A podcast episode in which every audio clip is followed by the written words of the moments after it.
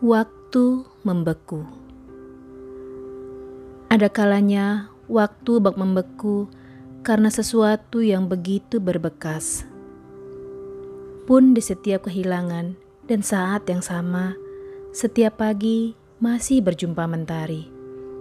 Seharusnya ada syukur karena masih diberi umur. Cintai umurmu, hadiah Allah setiap hari.